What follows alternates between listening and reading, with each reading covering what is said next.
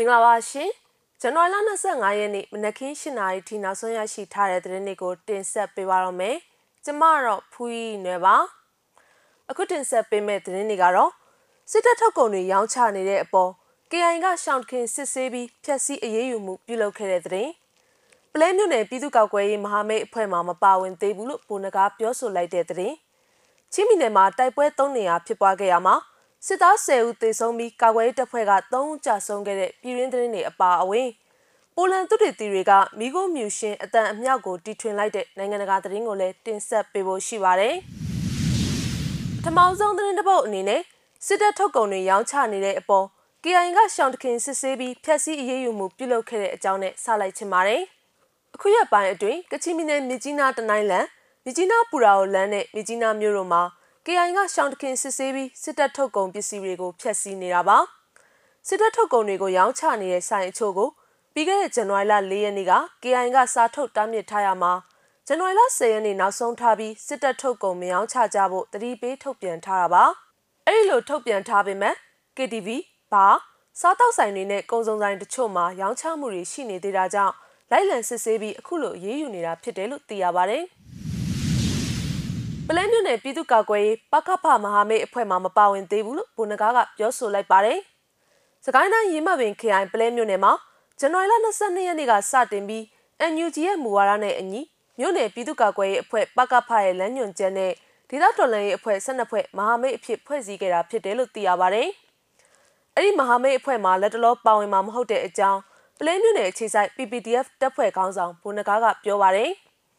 ကျွန်တော်တော်လိုင်းလုံနေတဲ့အပေါ်မှာအမြင်မတူတာလေးတွေရှိပါတယ်။ပကဖဆိုတာကျွန်တော်တော့မသိလိုက်ပဲပေါ်ပေါက်လာတဲ့အဖွဲ့အစည်းတစ်ခုဖြစ်တယ်လို့ဒီအဖွဲ့အစည်းဖွဲ့တဲ့အချိန်တုန်းကလည်းကိုကြည်ကြည်နဲ့နဲ့ပါဝင်ခဲ့တာမဟုတ်တော့အဲ့ဒီအောက်ကမသွားပါဘူး။မသွားပေမဲ့လည်းကျွန်တော်တိုင်းပြည်နယ်လူမျိုးအတွက်တစ္ဆာရှိရှိနဲ့တာဝန်ကြည်ကြည်လုပ်သွားမှာပါ။ဒီအောက်ကမသွားလဲကျွန်တော်တိုင်းပြည်နယ်လူမျိုးအတွက်တာဝန်ကြည်ကြည်လုပ်ရင်လူတွေကကျင်းနေမှာပါ။တီးတန့်ကြီးသွားမှာတော့မဟုတ်ဘူး။တော်လည်းကတိုင်းပြည်အနှံ့မှာပုံသဏ္ဍာန်မျိုးစုံနဲ့ရှိနေတာဆိုတော့အဓိကကတော့ကျွန်တော်တို့တိုင်းပြည်အစိုးရ ပြည်သူလူထုအတွက်ရှိနေဖို့ပါဒီတိုင်းပြည်ဒီအစိုးရအတွက်တိုက်ပွဲဝင်နေတာဆိုတော့တီးတန့်ကြီးတော့မဟုတ်ပါဘူးလို့မင်းစီမကမှတ်ချက်ပြုပြောပါတယ်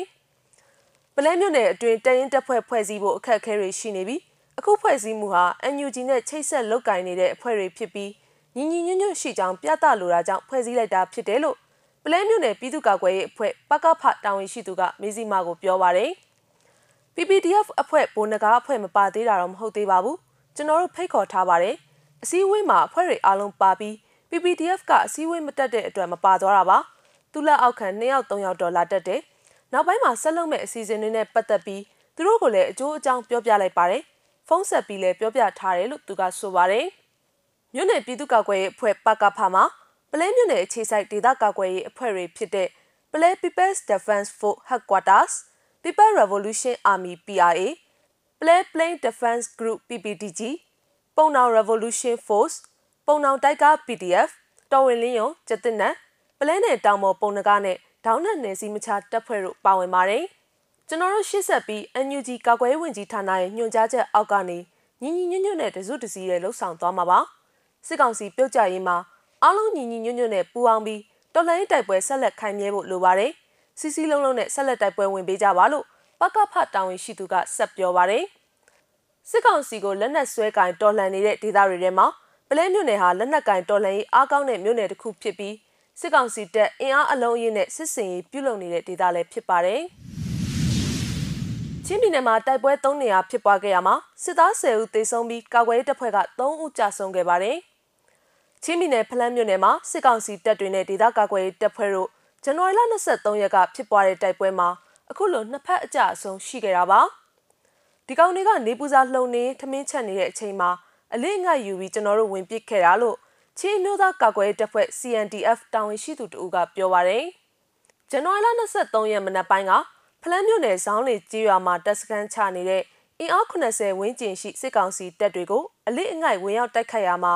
စစ်သား10ဦးဝန်းကျင်တေဆုံးသွားပြီးဒေသကာကွယ်ရေးတပ်ဘက်ကအသက်32နှစ်အရွယ်စလိုင်းဆက်တစ်ထွန်းမှာကြာဆုံးသွားတယ်လို့ဆိုပါတယ်။နေမြေရှင်းလင်းနေတဲ့စစ်ကောင်စီစစ်ကြောင်းဟာ လက်တလုံးမှာရက်တက်နေပြီးဖလန်းမြို့ဘက်ကစစ်ကူတွေနဲ့တိုင်းငင်းဘက်ကစစ်ကူတွေအင်အားဖြည့်ပြီးရောက်လာမယ်ဆိုရင်ဆက်လက်ထိုးစစ်ဆင်ပွဲရှိတယ်လို့ဒေသခံကာကွယ်ရေးတပ်ဖွဲ့ကစစ်ရေးအခြေအနေကိုသုံးသပ်ပြောဆိုပါတယ်။ဇဇန်နဝါရီလ23ရက်မှာကံပက်လက်မြို့နယ်ကျင်တွင်းမြို့နယ်အပေါ်ရွာအနီးမှာလည်းတိုက်ပွဲဖြစ်ပွားခဲ့ပြီးအသက်16နှစ်အရွယ်စလိုင်းစီတူအောင်ကြာဆုံးသွားခဲ့ပါတယ်။သူ့ရဲ့ပေးဆက်မှုအပေါ်လေးစားဂုဏ်ယူပြီးမိသားစုနဲ့အတူထပ်တူထက်မြကြေကွဲရပါကြောင်းစစ်ကောင်စီဘက်ကသိဆုံးမှုကိုမသိရှိနိုင်တဲ့အကြောင်း CDF ကံပက်လက်ကထုတ်ပြန်ထားပါတယ်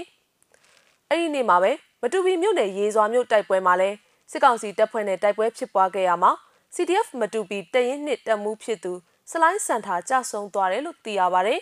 ။အမျိုးသားတော်လှန်ရေးအတွက်ဂရိသစ္စာဆိုခဲ့တဲ့အတိုင်းသူ့ရဲ့ပေးဆက်မှုကိုလေးစားဂုဏ်ယူပြီးကျဲရည်သူမိသားစုနဲ့ထပ်တူဝမ်းနဲ့ကြေကွဲရတဲ့အကြောင်းကာကွယ်ရေးတပ်ဖွဲ့ CDF မတူပီကထုတ်ပြန်ထားပါတယ်။ ချင်းပြည်နယ်မင်းတပ်မြို့ဘက်ကနေလွန်ခဲ့တဲ့နှစ်ရက်ကမှရောက်ရှိလာတဲ့စစ်ကောင်စီရင်အစီး90နီးပါးဟာဇန်နဝါရီလ24ရက်မှာမတူပီကနေမင်းတပ်ဘက်ကိုပြန်လည်ထွက်ခွာနေပြီဖြစ်တယ်လို့ဒေတာရင်းသတင်းရင်းမြစ်တွေထံကနေသိရပါတယ်။နိုင်ငံတကာဘက်မှာတော့ပိုလန်သူတေတီတွေက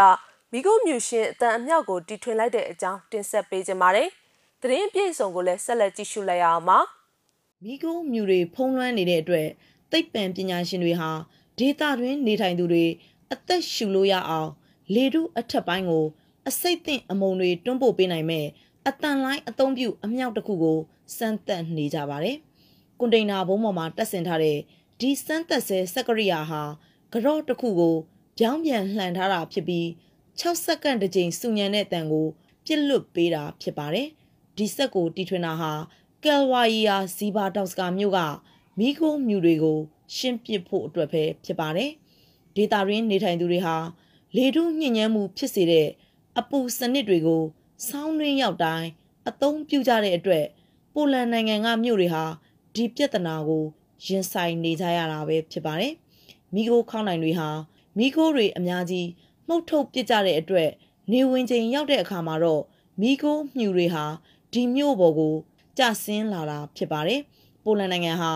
ဥရောပမှာလေထုအညစ်ညမ်းဆုံး နိုင်ငံတနိုင်ငံဖြစ်နေပါတယ်။အတန်လှိုင်းကိုဖန်တီးပြီးလေထုထဲကအန္တရာယ်ရှိတဲ့ PN 2.5နဲ့ PN 10ရှိတဲ့အမှုန်တွေကိုဒီအတန်အမြောက်ကရှော့ချပေးနိုင်တယ်လို့သူတေတီတွေကပြောပါတယ်။အစီတလင်းနဲ့လေးနဲ့ပေါင်းဆက်လောင်ကျွမ်းပြီးထွက်ပေါ်လာတဲ့ဒေါင်လိုက်ခရက်လှိုင်းပြင်းတွေကို အသုံးပြုတာဖြစ်တယ်လို့ Krakow မြို့တထုဗေဒဆိုင်ရာအကယ်ဒမီမှ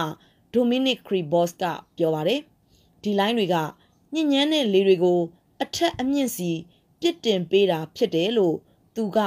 AFP သတင်းဌာနကို ပြောပါတယ်။အစိတ်သင့်အမုံတွေကိုမီတာ300လောက်အမြင့်စီလွတ်တင်ပေးထားပြီးဒေသခံတွေအတွက်ဘေးဥပတ်မသိအောင် ပြုလုပ်ပေးတာပဲဖြစ်ပါတယ်။ဒီအတန်အမြောက်ကို